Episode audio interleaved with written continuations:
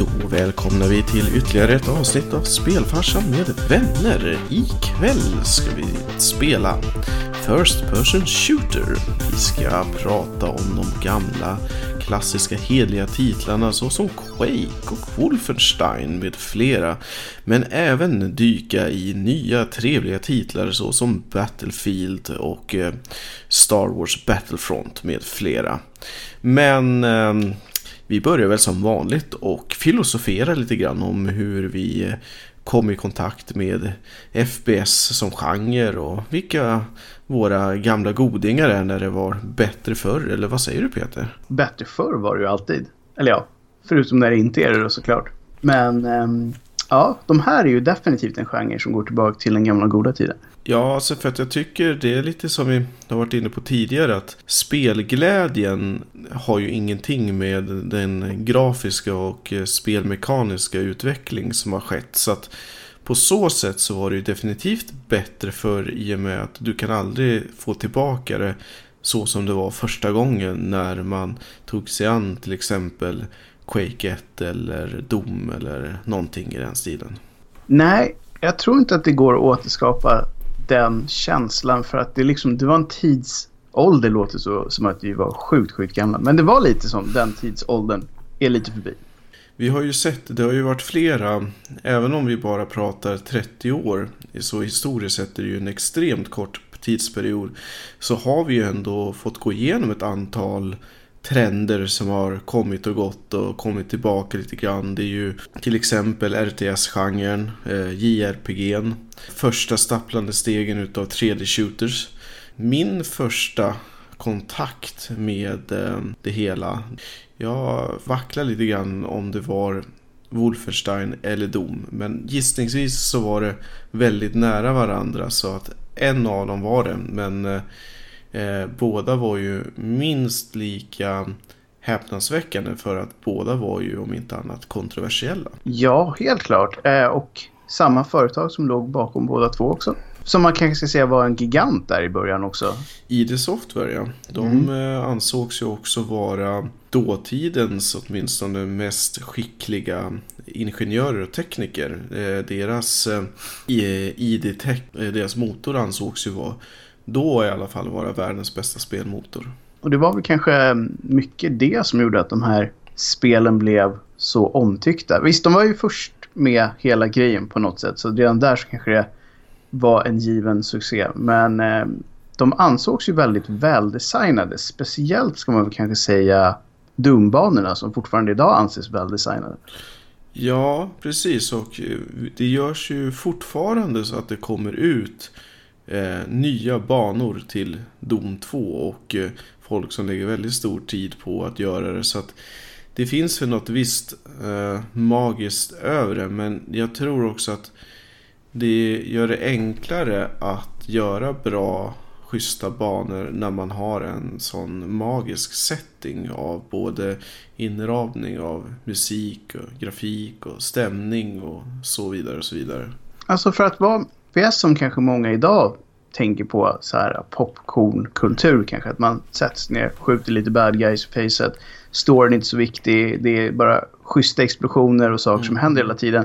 Så var ju både Wolfenstein och Doom ganska tunga på atmosfären om kanske inte storyn.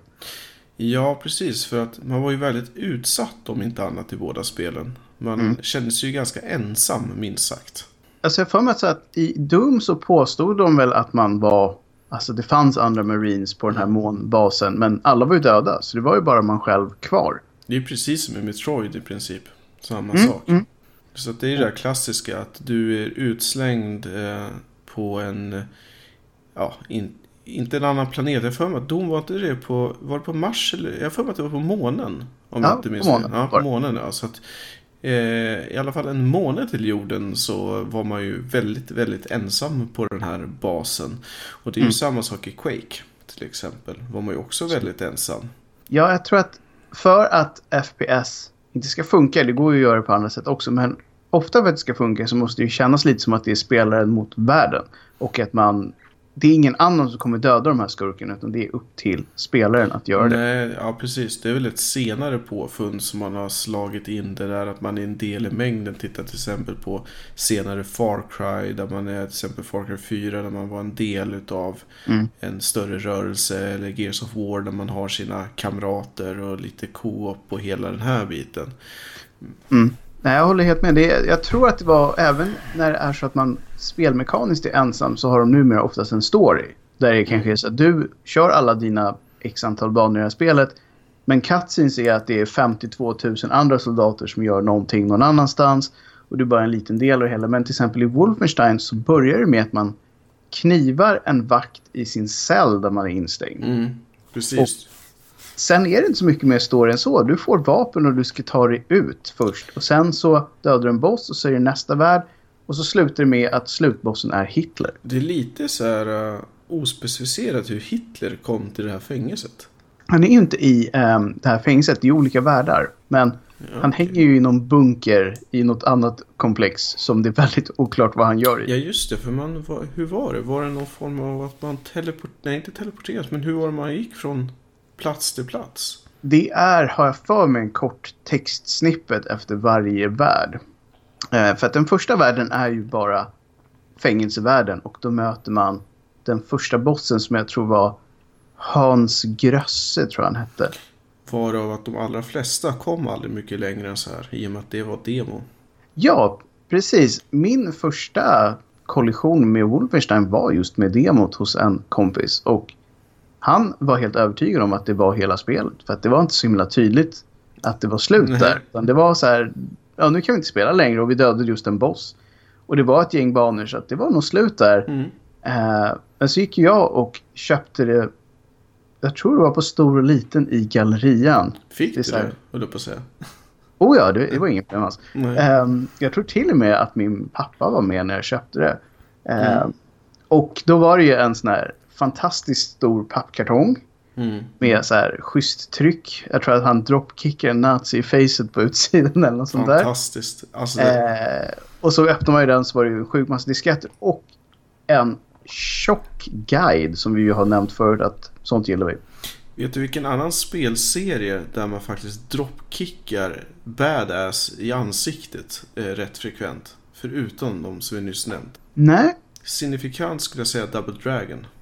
Ja, jo men det gör man ju. Mm. De kör ju till och med såna här uh, snurrsparkar och allt möjligt. Så jag måste ju säga att alla spel där man, och filmer för den delen, där man dropkickar någon i fejan. Det är värt att ses på ett eller annat sätt. Det blir ju ett poäng redan där. Mm. Man behöver inte ens veta vad filmen handlar om. Men om någon dropkickas i ansiktet hårt och de menar det så blir det ett pluspoäng. Ja, precis. Eh, men här var det alltså en, en shop guide som var av alla banor. Det var då jag insåg att shit, det här spelet var bra mycket större. För det var ju typ 60 banor tror jag. Och det här är också lite intressant, eh, tidens dokument och så vidare. Att både, oavsett om det var FPS eller RPG eller liknande, att hade man med lite mer content, då var det inte alls konstigt att man hade liksom en fet guide liksom med i själva förpackningen.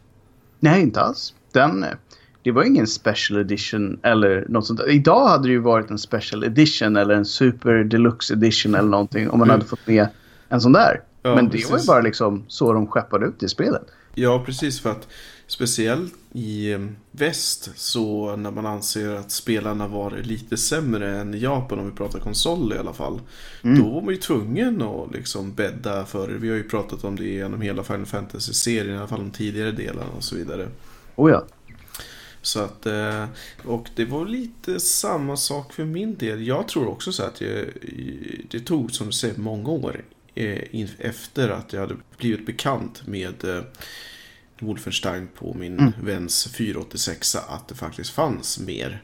Men å andra sidan, jag har aldrig ägt eller egentligen spelat Wolfenstein i några större mängder själv så utan vi spelade ju Dom för eh, det var lite två läger i klassen. De som spelar Wolfenstein och de som spelar Dom. Men eh, det ansågs just då i alla fall att Dom var väl lite coolare för det hade väl kommit samma era med att Dom 2 kom ut. Och då kändes ju allt annat passé som var innan dess. Ja, och Doom var ju det nyare spelet också. Det, jag tror att det var för många i, i vår ålder så tror jag man stötte på de här två spelen ungefär samtidigt. Mm. Eh, men Wolfenstein var ju äldre och det syntes ju definitivt på grafiken skulle jag säga. Doom Mm. var ju bra mycket snyggare. Jo, och just det gäller grafiken så där ska man ju verkligen tacka FPS-genren för att det var ju FPS-genren som drog igång grafikkortsracet och 3D-grafiken överlag. Mm. Så att utan FPS-genre skulle jag säga att det skulle ta tog betydligt längre tid än där vi är idag när det kommer till fysik, grafik och så vidare och så vidare. Ja, nej, jag håller med. Det är en tacksam genre att pusha för det grafiska. Man vill ju alltid liksom att de här fienderna ska vara så detaljerade som möjligt innan man skjuter dem i fejan liksom. Mm. Andra sådana här äh, lite mer historiska titlar som jag gillade eller har kommit i kontakt med så är det ju både Heretic och Hexen. är ju två trevliga små lir. Ja, jag tror ändå att de var... Nu råkar jag ha spelat båda de två också, men jag tror att det var rätt många som stötte på dem i någon typ av form i alla fall. Jag tror att det var mycket därför att båda kom i demoform i PC Gamer.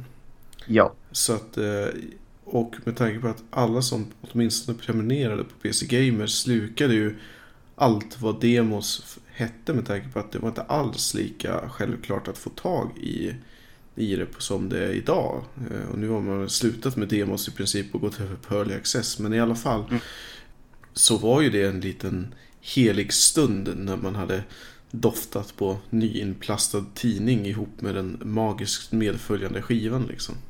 Ja, jag har för mig att det var en sån här liten eh, sån här papp. Ofta med trycket från tidningen och så var det liksom Mm. i den så hade man en, en CD med den månadens innehåll liksom. Precis, så att eh, det var riktigt stort. Eh, däremot, eh, om, apropå det här med då 3D-racet och sådär. Hur många vänner eller själv kände du till som verkligen kunde få igång Q3 på någon vettig nivå när det väl begav sig? För det var ju inte helt självklart. Det var väl inte så att man kunde räkna dem på handen i alla fall.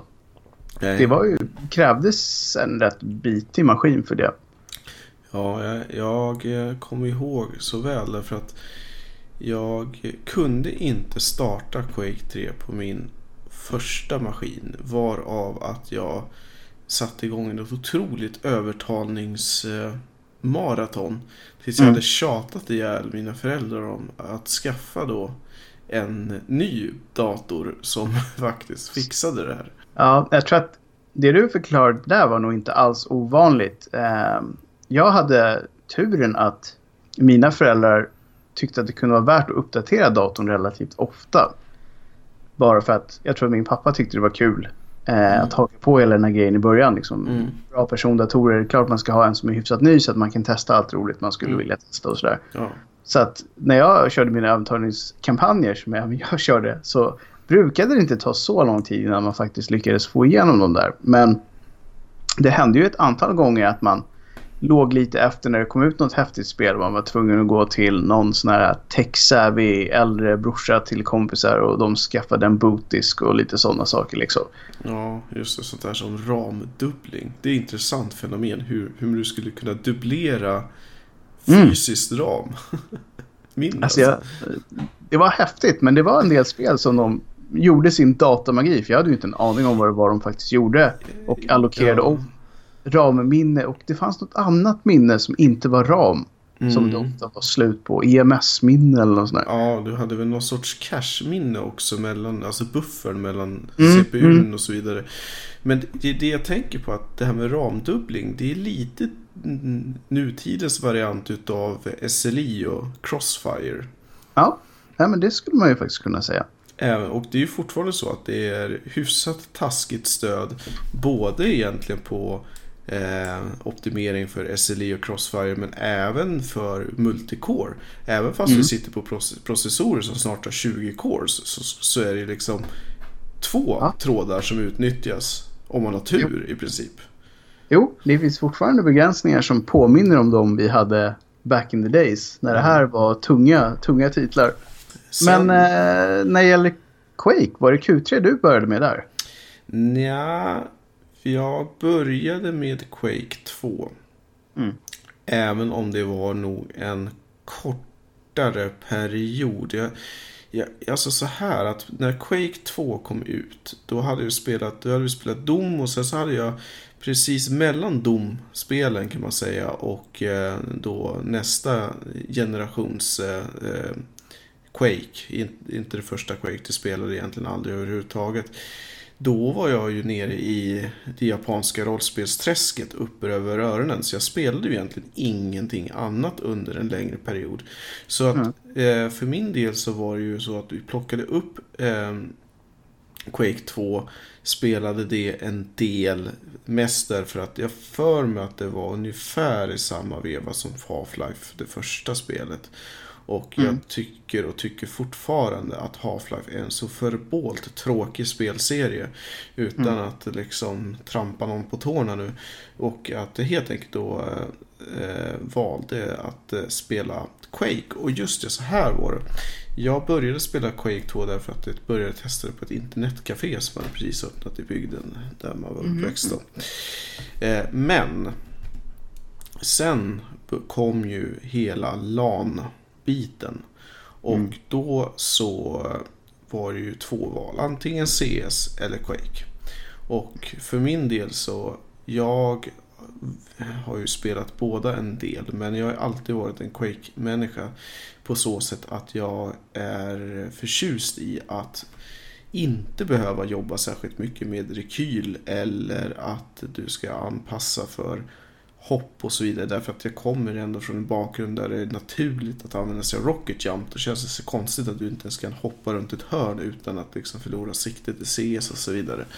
Mm. Så att det, det, är väl därför egentligen. Så att Quake 3 skulle jag egentligen säga att det var det som jag har den absolut majoriteten av speltid när det kommer i Quake-serien. Mm, mm. Um, ja, Quake var ju väldigt stort där. Nu kommer jag inte exakt ihåg. Jag tror det var någon gång i högstadiet eller något sånt där som Quake dök upp på allvar. Och jag var på det redan från första början, att säga. Det var dyra internetminuter som gick och man skulle köra clownmatcher. Och, mm. Men jag tror egentligen att när de här lite mera större Quake-spelen kom, då hade jag nästan slutat istället. För vi hade kört första så himla mycket och mm. det var så stort och man hade engagerat sig så enormt mycket i hela den här matchkulturen och Mm. Att köra mot andra klaner och vi hade en egen hemsida och allt möjligt. Så att det kändes på något sätt som att då hade man gjort det lite grann. Fast det kändes som att jag hoppade på det tåget tidigt och sen så hoppade alla andra på när jag hoppade av i stort Ja, precis. För det tåls ju nämnas att eh, våran första riktigt stora, eller en av våra första riktigt stora CS-framgångar kom till med en Quake-spelare i laget då Nips 50-gubbe eh, eller eh, helt enkelt inte dök upp till mm. CPL 2003. Kan det stämma? Ja, det var någonstans ja. där i början av 2000-talet.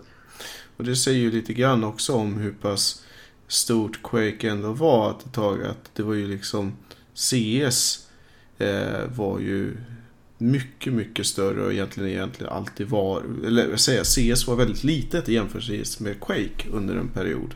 Ja, ja visst. Ingen snack om det. Och det intressanta är ju att CS är en Quake 2-mod från start. Mm, och det är kanske någonting som många inte vet eh, numera. Med tanke på att CS är en gigant inom alla möjliga mm. genrer, e-sport och som spel. Precis, så det började helt enkelt med en mod till Q2 som heter Action Quake. Mm. Som eh, lånade då urbana nutidssettings. Eh, och så lånade man vissa vapen. Eh, men man gick, alltså försökte införa skins utav M4 och så vidare och så vidare. Men mm. jag vet inte varför, jag minns inte längre. Men av någon anledning så antagligen för att det var lättare att modda helt enkelt. Så gick man mm. över till Half-Life-motorn. Ja det är antagligen ett väldigt enkelt skäl någonstans där i bakgrunden. Men på så sätt så, nu vet man ju inte vad som hade hänt om man hade fortsatt om det hade varit så stort. Men jag kan tänka mig att ID Software är lite sura på att inte det liksom stannade hemma, precis som Dota 2 till exempel. Ja, men... Eller Dota, det första Dota. Ja, men det känns väl som att det är så att på alla de här som blir en enorm grej så finns det två eller tre som bara dog och som man aldrig hört talas om ja, igen. eller snarare kanske en miljon. Eller i Ja. alla fall många tusen i alla fall. Det, det är nog inte alls omöjligt. Men absolut, det är ju två stora fenomen som, som har sluppit iväg och blivit sina helt egna grejer. Ja, men det är ju ett helt program i sig. Och vi har faktiskt vi har ju ett program som handlar just om det här spelmoddning. Men det här att fenomenet där det är spelet egentligen bara en det kan, meta för att bli någonting större. Nu ska vi inte säga att Half-Life är en liten titel på något sätt. Men, Oh nej. men ändå så, Mm. så är det ju så. Ja, nu var vi ju lite inne på Half-Life här både tidigare och eh, nu igen. Man kanske ändå ska ta upp att även fast jag tror att både du och jag har ungefär samma uppfattning om Half-Life-serien så Mm. är det ju ändå en serie som anses nästan lite så här religiöst bra hos många. Ja, och jag skulle jättegärna vilja ha någon som faktiskt kunde förklara varför det, man tycker att den är så fantastiskt bra. Det finns säkert någon helt fantastisk YouTube-video för det här, men i Mm. praktiken så jag har ju hela tiden tyckt att det är så förbaskat långtråkigt och liksom storyn har aldrig riktigt, jag har inte fastnat för storyn, jag har inte fastnat för karaktärerna. Det är liksom ingenting i Half-Life-serien som jag liksom känner mig attraherad av direkt. Alltså, sett det förut, gjort det förut. Nej, det var likadant när det kom som för ett par år sedan. Jag tänkte att nu, nu ska jag måste ge det här en chans igen. Jag känner igen nästan allt det där. Det var en sjuk hype när det spelet kom.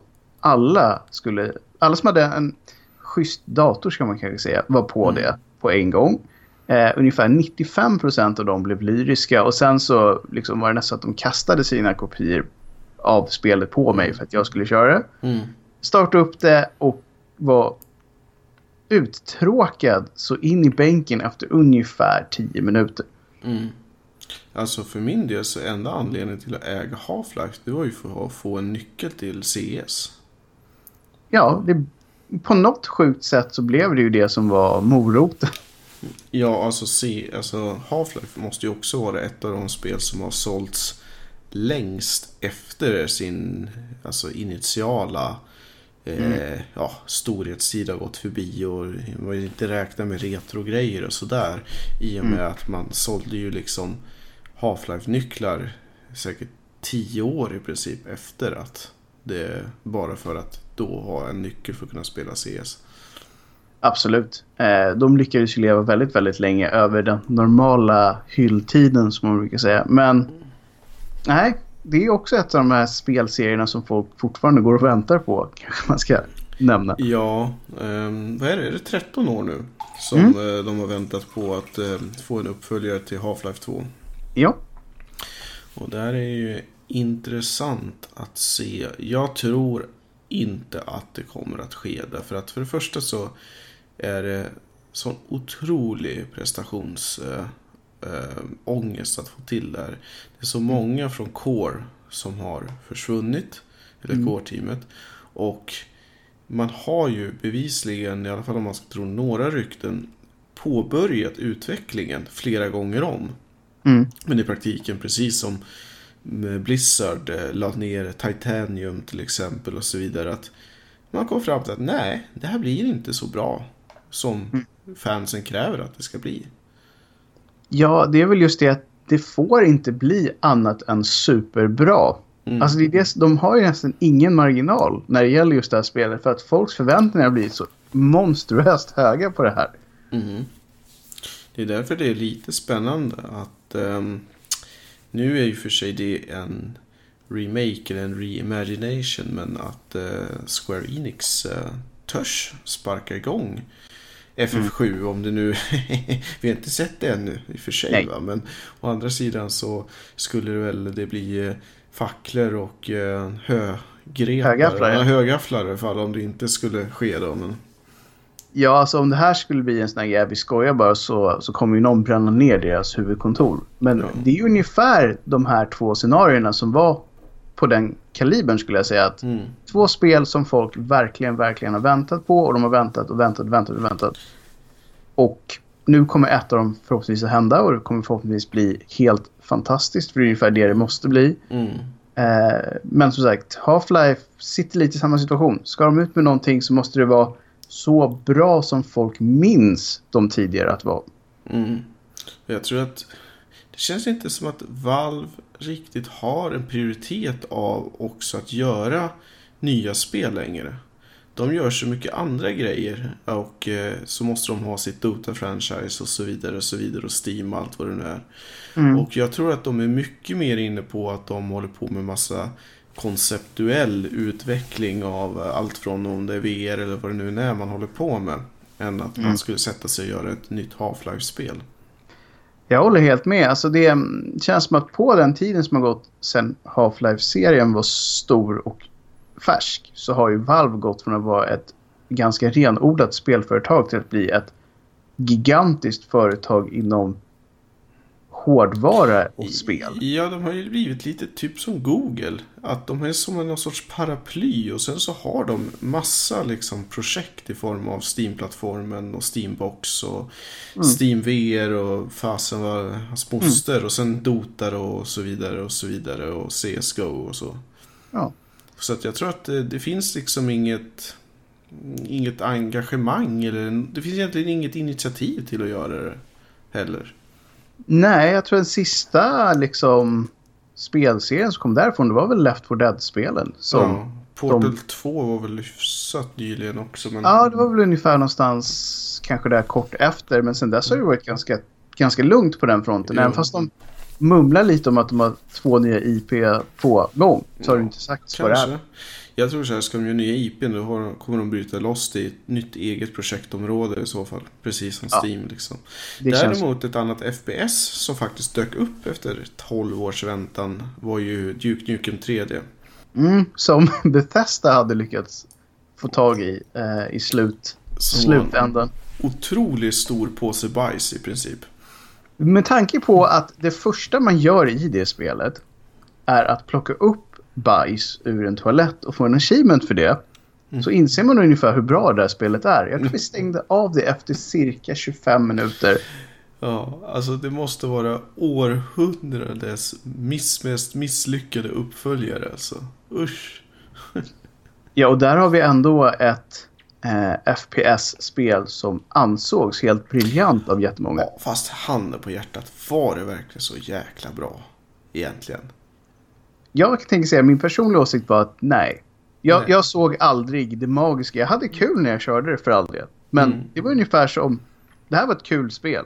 Ja, ja men den hade väl en charm och visst den här lilla, lite mansgrisiga Arnold-versionen av eh, eh, hjältekaraktär och med några med ikoniska one-liners och så vidare. Det är väl klart att det, det finns ett litet retrohjärta där va, men, men ja, jag har inte riktigt förstått den här otroliga fascinationen av att man bara tvungen att ha en uppföljare. Nej, och jag tror att det som många gillade var ju liksom jargongen som du säger. Det var mycket så här manschauvinistiska mansman eh, statements eller bara så här eh, som det här I'm here to kick ass and chew bubblegum and I'm all out of bubblegum liksom. Mm. Eh, det sålde och sen så var det ju grafiken tyckte ju många var skandalsnygg.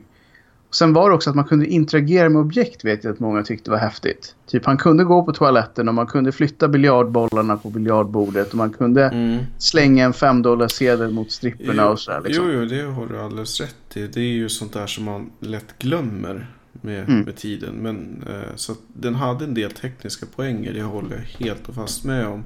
Mm. Men ändå att man... Vad är det som man tror ska bli så fantastiskt 12 år senare? Det är. Ja, svårt Nej, att det, det, att det var häftigt då och när det hände, det kan jag förstå. Men som du säger, att man håller kvar vid det sen, särskilt när hela genren i sig blev mycket så med interaktion och liksom så. Att fortfarande tycka att det här spelet är så coolt och den här snubben är så jävla härlig så vi måste ha det igen. Mm. Det är väldigt konstigt. Och sen så var det ju som sagt ett av de här spelen som också var kvar i utvecklingshelvetet i hur länge som helst. Vi bytte Ja. ägare tre, fyra gånger och allt möjligt. Jo, absolut. Det var ju väldigt så knagglig väg för att det Mm. skulle komma ut och sådär. Och det är ju inte helt omöjligt att om 5-10 år eller någonting liknande eller ännu mer kanske att någon helt plötsligt får för sig att trycka ur sig Half-Life 3. Men jag har så svårt att se Valve är sån dominant faktor så att om Valve skulle försvinna eller behöva sälja sina IPn då är det mm. antagligen, då har vi nog större problem inom hela spelbranschen än att just det skulle bli en, en grej liksom. Jag tror aldrig att de kommer tvingas ge ut det spelet. Det skulle vara om de av någon outgrundlig anledning vill göra det helt plötsligt. Mm. Eller som du säger att hela marknaden har gått helt åt skogen och alla de här uh, gigantiska framgångsföretagen måste göra sig av med assets. Ja, en möjlig variant kanske då det är ju uh, men nu är det tåget redan gått lite grann. Det är ju om man hoppar på den här vågen av att man ska göra HD-remakes av allt och allting. Och då mm. bara i farten vippar upp liksom ett ytterligare ett Half-Life. Ja, det är inte helt omöjligt att de skulle kunna göra det antingen som en, en testballong för att se hur folks reaktioner är. Om de släpper de gamla i HD till exempel. Kommer folk att gilla dem lika mycket som de gjorde då? Eller kommer det vara så att ah, shit, det var så här det var? Kan man få ut data ur det? Hur man då ska ta, ta steget vidare? Eller som du säger att det är så här. Man ger sig själv lite tid att knåpa ihop det tredje spelet medan de andra liksom kommer ut igen. Ja, och då kanske också den här uh, värsta prestationsångesten kanske har lagt sig lite för att folk kommer att se på spelet på ett helt annat sätt.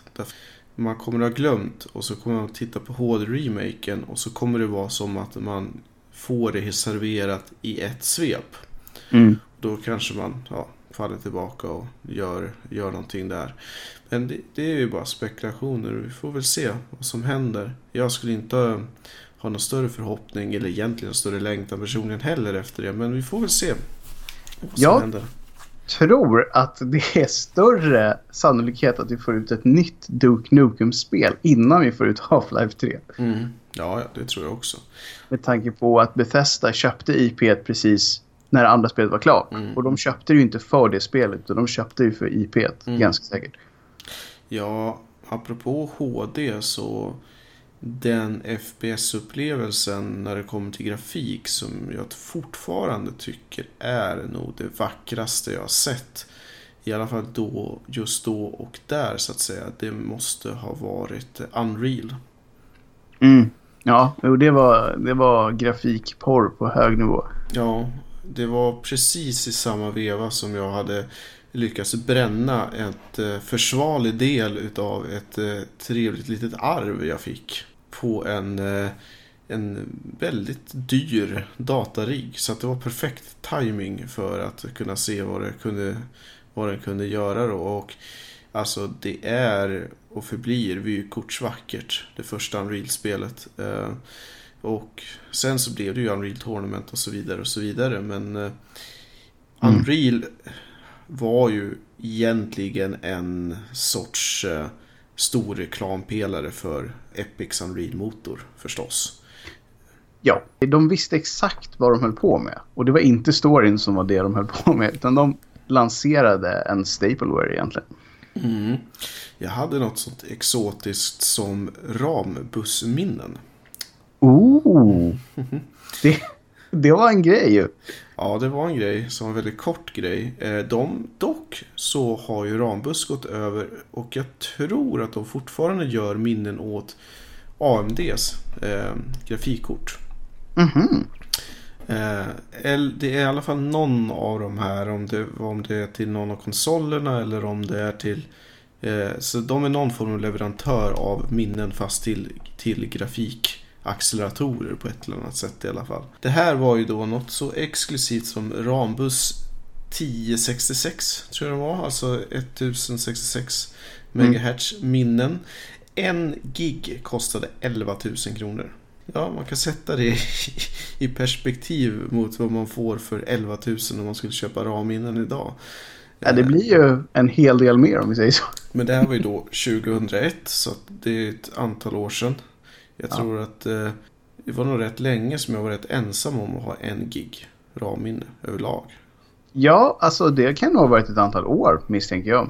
Mm, jag vet att just den burken hängde med bra i alla fall i tre års tid. Eh, Jag skulle nog säga fyra år.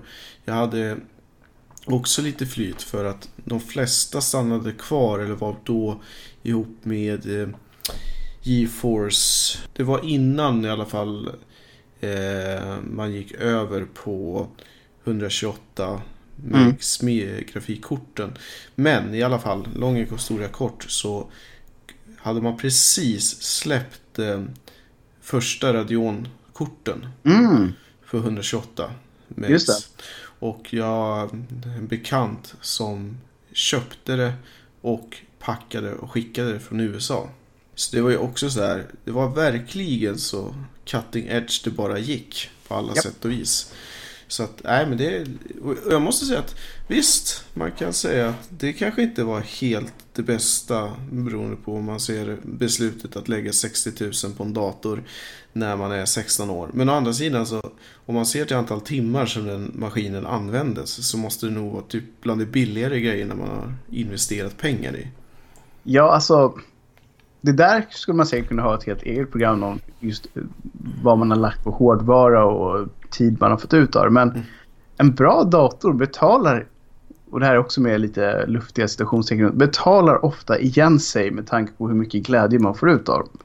Ja, jag brukar säga till folk som säger Ja, men hur kan du lägga hundratusentals kronor om man räknar ihop det på hårdvara? Ja, men vissa köper bilar, andra köper båtar och eh, det handlar ju om lycka eller glädje av att använda någonting som man har investerat pengar i oavsett vad det nu är. Och Ja. då, och då är egentligen summan helt meningslös egentligen. Vissa blir fantastiskt lyckliga av ett konstverk som kostar 15 miljoner kronor till exempel. Ja. Nej, alltså jag är helt med på det du säger där. Det är så här, jag skulle inte få ut någonting om jag köpte en platinaglansande sportbåt som man kan sassa runt Kungsholmen med på tre minuter. En Sunseeker kanske. Lite liksom så. Det skulle inte ge mig så himla mycket. Men får man en riktigt bra rigg eller en ny konsol med coola grejer. Det vet jag att det där kommer ge mig x antal timmar av good times. Och Ja. det är värt rätt mycket. Där måste jag kunna tänka mig kombinationen. En schysst rigg på en Sunseeker. Ja, ja visst. Det, det säger jag inte nej till. Och jag Nej. säger inte nej till att vara ute på snabba båtar runt Kungsholmen heller. Nej. Men I kontexten av vad vi pratar om så ja. Ja. Ja. ja, men eh, om vi skulle spola fram tiden lite grann då och vi lämnar 90-talet och början av 2000-talet och kliver in i ja, 10-tal eventuellt och kanske någonting där kring krokarna då så har vi ju ett par andra serier som jag har lagt försvarlig mängd tid på och där har vi bland annat en liten oddball i det hela men eh, ID Softwares Rage som var ett ypperligt litet spel. Ja, alltså.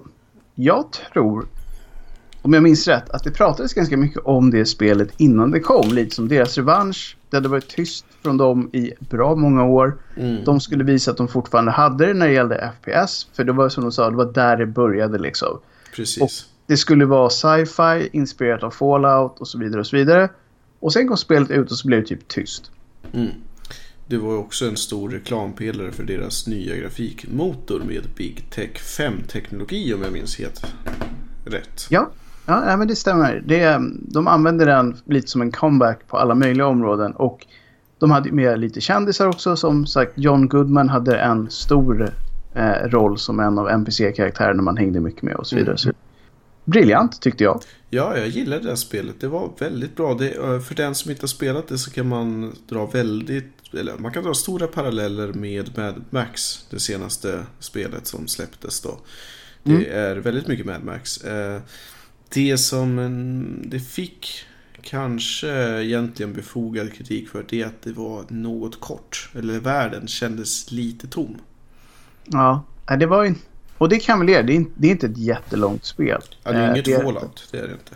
Nej, jag tror att det var just det att potentialen var väl kanske lite det som skadade dem också. Man vaknar ju ändå upp i en postapokalyptisk värld och tänker att nu jäklar ska jag ut och liksom se den här världen. Men det är ju egentligen ganska så linjärt. Ja, det är väldigt linjärt även om det har en del RPG-inslag och du har ju det här med bilandet och eh, racingen och, och sådär. Precis. Eh, men jag tycker att det... Första gången jag spelade igenom det så kändes det som att jag tänkte inte så mycket på det för jag tyckte att atmosfären var så himla mysig eller på så inbjudande på så sätt. Så att det är väl mer i efterhand när man reflekterar över det som det blev, ja, kanske så. Va? Men, och sen också det att det jag saknar är att det finns ingen stor slutboss. Nej, och det där är ju någonting som blev en trend. Alltså en stor skillnad skulle jag säga från de tidiga spelen vi pratar om. Där fanns det alltid en slutboss och många bossar på vägen dit. Mm. Du visste när du hade klarat spelet. Sen så blev det någonting som hände. Att det var mer om historierna, karaktärerna, världen. Oftast visade det sig att det var någon tanig liten forskare som hade gjort någon dator. Och sen när man väl lyckades ta sig hela vägen till den här snubben så var det bara en snubbe liksom. Ja, typ Far Cry är ett utmärkt exempel på det och är väl fortfarande så.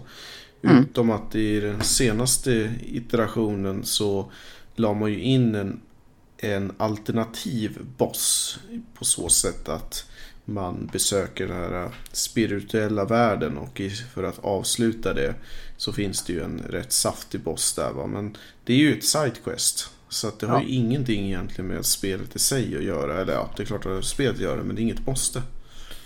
Nej, och jag skulle jättegärna vilja ha en diskussion med fler spelare som, som gillar FPS och som har gillat FPS länge. Men jag tycker personligen att FPS måste ha en boss av något slag. Alltså det måste finnas någon slags utmaning som man Ja, övervinner. men sen tycker jag att också det är skillnad på, beroende på vad man definierar, om det är en eh, railsskjutare eller om det är en eh, mera RPG-influerad version. Typ som till exempel Far Cry eller Äventyr.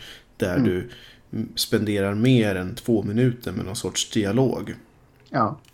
För att är det ett äventyr och eh, då är det egentligen mer i kontext och setting. Hur, hur pass nödvändigt det känns med en, med en slutboss. Däremot så det jag tycker att det failar ganska hårt på det är att när man kommer till slutet att oavsett eh, vilket utav de här spelen det är. Men ta till exempel då Far Cry. Att man är så pass högt level eller skillad eller vad man nu vill kalla det för.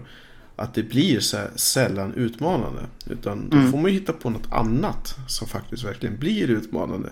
Det går ju att hitta på saker som är svåra och känns liksom som att man har tagit sig igenom. Ett utmärkt exempel på det är till exempel avslutningen utav Day, eh, av Dying Light, ett av de senare Mm. då.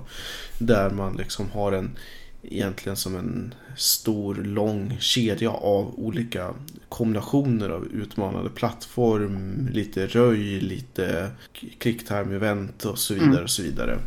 Som avslutar spelet. Mm. Nej, jag, jag tror jag har rätt. Det, men det måste, där är lite mer inne på att det måste finnas någon typ av utmaning i alla fall. Det får inte bara ta slut liksom. Nej, precis. För det känns så snöpligt. Men speciellt också så så när man slänger in till exempel ta Dom 3 till exempel. Mm. Som inte heller har egentligen någon speciell slutboss om jag minns rätt. Nej, i alla fall inte den originalversionen som jag spelade. Nej. Så att eh, man blir lite snuvad på konfekten. Man är så inställd på att det ska finnas en stor Metal Gear typ. Eller någonting liknande. Ja, alltså speciellt eftersom i de här spelen så ofta ser att man börjar med rätt skräpiga grejer och sen bygger man upp sin snubbe med coolare vapen, man får liksom olika skydd och så vidare. Och, så vidare. och sen när man då är som bäst så tänker man nu måste någonting, någonting måste prova om jag har lyckats bli bra nog. Och får Mm. man inte det så är det så här, jaha, vad, vad var allt det här för då? Ja, alltså jag, sen tror jag också att man är nog lite färgad av att eh, alla sina år med eh, RPG-spel eller JRPG där egentligen stora utmaningen är, det är att få kötta på de här eh, extra bossarna eller sidobossarna. Ja, men jag tror att vi är nog det. Så vi kanske förväntar oss lite mer sånt än någon genomsnittsspelare där ute. Men jag tror att alla uppskattar att få någon typ av avslut. Mm, så är det ju. Men eh, det där, det var en trend. Det Mm. är... Eh, det kommer nog att förändras och det är på väg. Till exempel som som sagt Dying Light var ett utmärkt exempel. Du har ju även, det är i och för sig inget FPS men även som Uncharted och så vidare. Och så vidare. Så att, eh, men där är ju det att ta till exempel även då som Gears of War till exempel och så vidare. Där att FPSen blir ju smartare och smartare om det inte är då e-sport i form av Quake Championship eller Overwatch mm. eller någonting annat liknande. Att man eh, adderar ju mer och mer story. Man adderar om, det finns såklart något indie-exempel och så, men det går ju mycket mer åt att det är äventyr än de här klassiska race-skjutarna. Men mm. jag skulle verkligen vilja pusha lite grann däremot, för det kom ut precis i dagarna eh, Strafe, som är ett utmärkt klassiskt röj FPS. Mm. Old school får man väl kanske kalla det. Mm. Och det ska man inte se ner på. Men jag tror att det är som du säger, att det kan nog bli så att det blir en... Om det inte redan är det, att det är olika genrer inom FPS. Att det är så här... Story-driven FPS kanske blir då den här... Där det inte är nödvändigtvis så att du går lös mot skurken i slutet. Och sen finns det de här som är lite mer vad ska man säga, Halo och Gears och så vidare. Mm. Där det finns en story men visst fasen kommer det vara du som möter den här skurken i slutet och då händer det. Mm. Och det tror jag att det kanske är lite olika typer av spelare som spelar de här olika spelen. Men jag har aldrig kört ett Gears of War-spel för storyn. Utan det är liksom bra action, eh, svåra spel när man kör på svåraste och liksom ordentliga bossfighter. Mm. På samma sätt som när man då sätter sig ner och spelar till exempel säga, Bioshock så är det mycket mer världen och storyn. Och går man in på till exempel spel som Prey, speciellt då det nya, då är det ju egentligen bara story. Ja, eller kanske Crisis. Absolut Crisis. Jag skulle säga, mm, där var det ju så att trots att man var en supersoldat med en rätt cool armor eller vad det nu var man hade så dog man ju nästan omedelbart om man försökte spela det som Gears. Till exempel ruscha fiender och ta fighten rakt upp och ner. Då dog man på en gång. Ett FPS som också är nytt som jag gillade som var lite, lite udda fågel. Det var, jag för mig att det hette Evolved. Där man spelade antingen monster eller jägare. Evolve ja. Mm. Mm. Och det spännande spel med tanke på att det kom ju ut till eh, både konsoler och PC och var jättepopulärt under en väldigt kort tid. Och sen så sjönk det totalt. Mm. Ja, det var en enorm hype för det spelet och det var kul. Um, det lilla jag körde. Men det gick ju tydligen så dåligt så att då gjorde de ju om det till en free to play. Mm. För att kunna fortsätta utveckla det. Ungefär två veckor senare så la de ner alltihopa. Det brukar tyvärr gå så. Det är få ja. som har lyckats att uh, vara free to, gå till att vara free to play. Det är en sak att vara free to play och sen mm. ta in pengar på annat sätt eller hur man nu gör det. Ja, och jag, som jag förstod det så var det väl så att eh, det var ett ganska stort team som jobbade med det där och eh, de ville helt enkelt satsa på andra eh, spel som fanns i pipeline. De var inte stora nog att staffa upp med ytterligare så det fanns två lika stora team. Och jag tror att det blev så att numera så är väl free to play på någon plattform och jag tror att det är PC och de som har köpt spelen till konsol har det fortfarande liksom som, som det är där. Då. Men, men det var ett ganska häftigt, det var en häftig idé. Och det var en ganska snabb actionfylld FPS-genre. Jag har inte sett så många där det faktiskt är så att man spelar monster mot, mot människor på det sättet. FPS var ju egentligen otänkbart på konsol ganska länge. Det var ju först med eh, Goldeneye och sen Halo då förstås. Som det verkligen blev en grej på konsol överhuvudtaget. Ja, jag tror rätt många PC-entusiaster anser väl nästan fortfarande att det är en omöjlighet och att det blir aldrig på riktigt och det är inte riktigt hardcore och så vidare. Ja, det är klart. Det är ju barbariskt att spela FPS på konsol. Det... Precis. Ja. Men jag tror att för min bakgrund är att jag har kört FPS på båda de här plattformarna väldigt mycket och jag tror att det enklaste sättet att undvika konflikten är att se det som två helt olika saker helt enkelt. Ja. Det, och det är ju så att det går inte att matcha, eh, inte i någon sorts eh, tävlingsläge i alla fall, mellan de två olika eh, kontrollstilarna så att säga. Däremot så tycker jag det är intressant att man har infört andra varianter av just kontrolldon och inte bara mus eller handkontroll utan när man har till och med då använt sådana här Open BCI eller järnhjälmar för att styra. Då ge inputter med eh, sin hjärn, hjärna helt enkelt. Då. Mm. Och det där gissningsvis att nu är det ju latency förstås men kan man skruva det då kommer det vara helt oslagbart mot alla andra kontrollgrejer du kan tänka dig. Mm. Men det, vi får se. Den dagen, den sorgen höll jag på att säga lite grann. Ja, det kommer säkert ta sin stund innan det här blir så pass smooth att det går att applicera på allting. Men det är Precis. ju hur häftigt som helst. Ja, absolut. Men det, det, kommer, det, det kommer alltid finnas andra sätt eh, att tävla. Om inte annat så är det ju så att man är ju olika reaktionssnabb oavsett hur man än styr det så att säga. Mm. Nej, alltså jag tror att det, om det är så att det går att applicera det här på hjärnan så skulle man ju helt plötsligt då kunna kombinera de här plattformarna kanske som inte har gått att göra tidigare. Mm. De har ju gjort en del försök. Alldeles precis när 360 kom ut så hade de ett spel där det var blandade lobbys och i så sent som Gears of War 4 så har de ju också en sån lista nu som de introducerade för bara några månader sedan. Tyvärr så skulle jag säga att eh, de ger sig inte. De, de förr eller senare så försöker de alltid blanda de här och det blir alltid samma resultat. Var inte det likadant i Call of Duty? Att man försökte det en sväng? Jo, jag tror att de var inne på det där också. Jag kan se Alltså fördelen är att det inte är lika mycket maintenance. Man kan köra samma saker för allting och man splittar inte upp den potentiella spel, spelarbasen man har. Men det blir ju alltid som det blir. Att de som sitter med handkontroll förlorar 99 gånger av 100 när det är de bästa spelarna. Alltså ska man vara lite surgubbe så är det ju så att RTS och FPS det spelar man på PC och allt annat går alldeles utmärkt på konsol.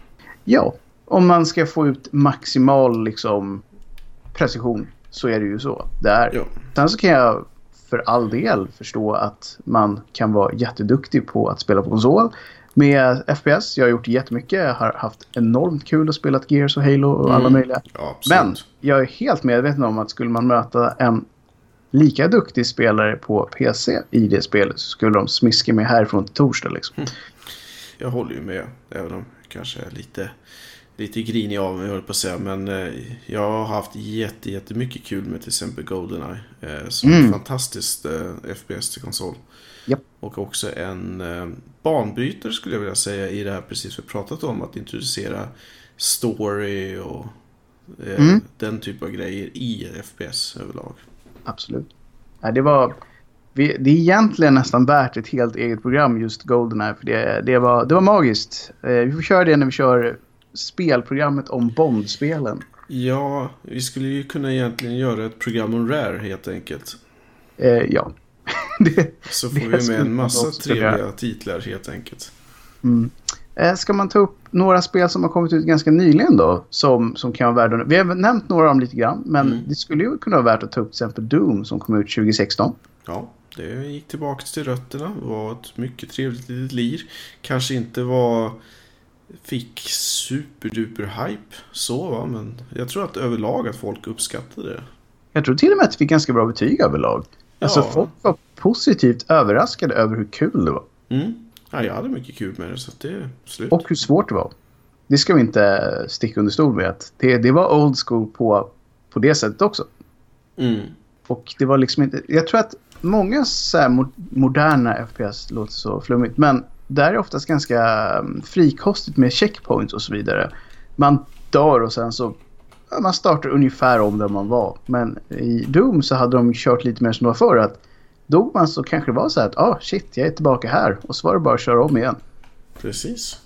Och det uppskattade jag verkligen. För att det kändes som att nu har man äntligen lite den här inbyggda utmaningen igen. Som, man, som är med i grundspelet. Många av de här lite senare FPS som Bioshock-spel och så vidare. Där finns det liksom ett extra läge där man kan köra Iron Mode. Och där man måste klara saker och så vidare. Men det är oftast inte med i grundmodellen.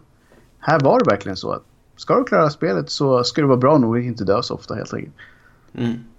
Ja, men det, det går väl lite tillbaka till det här med att man helt enkelt har börjat acceptera tuffa eller svårare titlar igen i, i Mm. och med hela Dark Souls-biten då. Ja. Och, ja, kul att det finns plats för det även idag. Eh, Det behöver inte bara vara att det ska vara snyggt och lättillgängligt. Nu kan det även vara svårt och lättillgängligt. Mm. Precis, men sen är det ju också, vi pratade mycket om tidigare, det här med att svårt för att det är utmanande eller svårt för att helt enkelt det är något idiotisk grej som betyder, består mycket av att en slump eller liknande. Så det är ju en väldigt fin, fin gräns i det hela. Ja, alltså spelaren måste ju...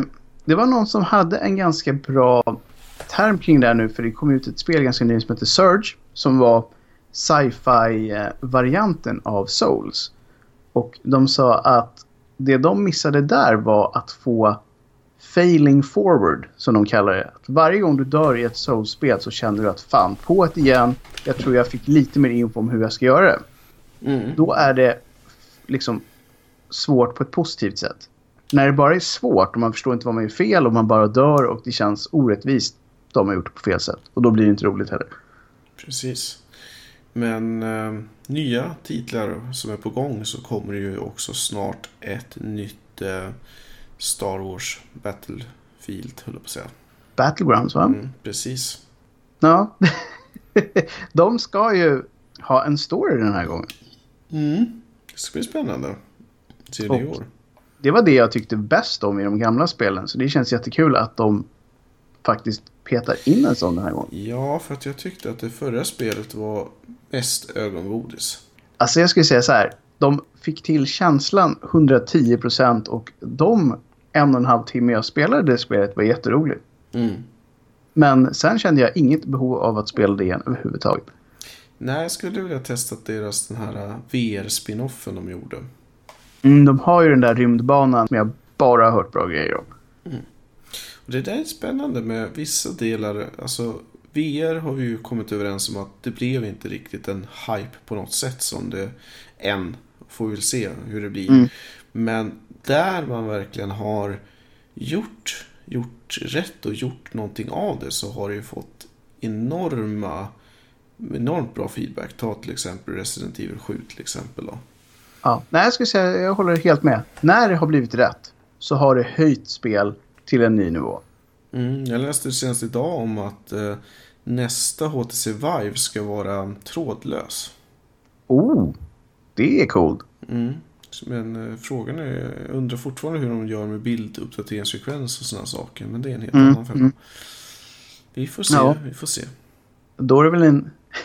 Om man ska binda ihop de här två så känns det ganska troligt att Not Call of Duty relativt snart kommer vara VR. Ja, alltså det är, Call of Duty är ju som EAs Fifa-spel liksom. Det, kommer ett nytt per år. Jag undrar när, när det ska bli ett VR-Fifa. Får vi se.